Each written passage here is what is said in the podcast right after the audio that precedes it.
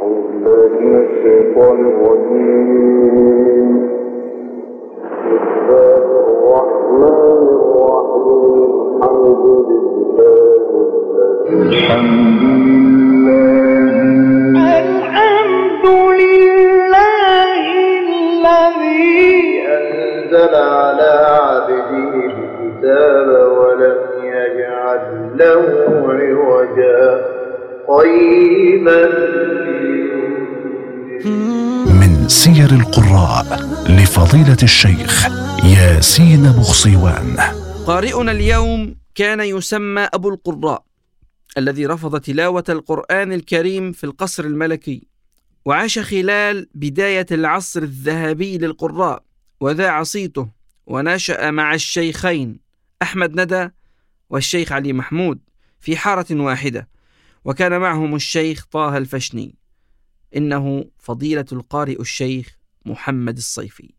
وما كان ربك ليهلك القرى بظلم وأهلها مصلحون.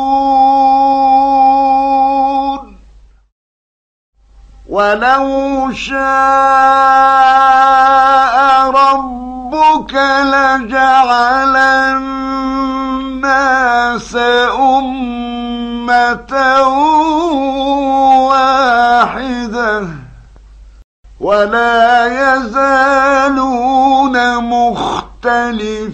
مختلفين إلا من رحم ربك ولد الشيخ محمد الصيفي في العام 1885 بقرية البرادعة بمحافظة القليوبية.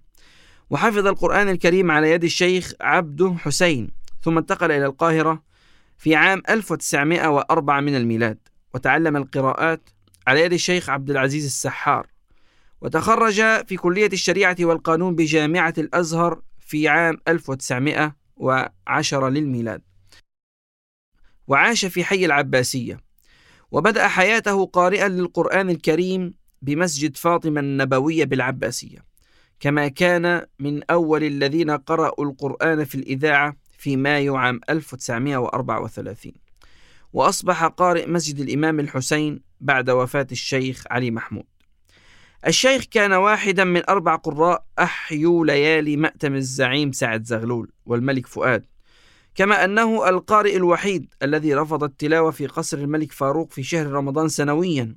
وعندما سأله ناظر الخاصة الملكية عن سبب رفضه قال له الشيخ الصيفي صحتي لا تساعدني ومولانا يستطيع سماعي جيدا من الراديو. وسجل العديد من التسجيلات الرائعة التي ما زالت تذاع حتى الآن في الإذاعات المصرية والعالمية. ومنها التي سجلت له في صوت لندن وإذاعة برلين وإذاعة موسكو. وحول آرائه الخاصة عن المقرئين في جيله قال إن أعظم الأصوات التي سمعها في حياته هو صوت الشيخ محمد القهاوي والشيخ منصور بدار. ويأتي بعدهما الشيخ مصطفى إسماعيل. وعن صوت الشيخ محمد رفعت قال رفعت لم يكن كبقية الأصوات تجري عليه أحكام الناس لقد كان هبة السماء. كما قال حسبكما ذكر كتاب ألحان السماء للكاتب محمود السعدني.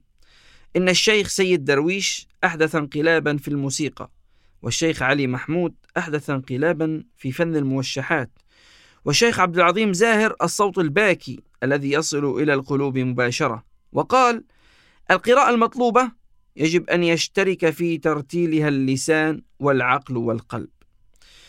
توفي الشيخ محمد الصيفي في الخامس والعشرين من سبتمبر لعام 1955 عن عمر يناهز السبعين عاما. وفي أيامه الأخيرة اعتزل إحياء الليالي واكتفى بقراءة سورة الكهف في مسجد الإمام الحسين ولقب الصيفي بالقارئ العالم وخبير القراءات لأنه كان متفقها في الدين ولغة القرآن الكريم وقراءاته العشر الكبرى كما لقبه المقرئون بأبو القراء. رحم الله فضيلة القارئ الشيخ محمد الصيفي رحمة واسعة.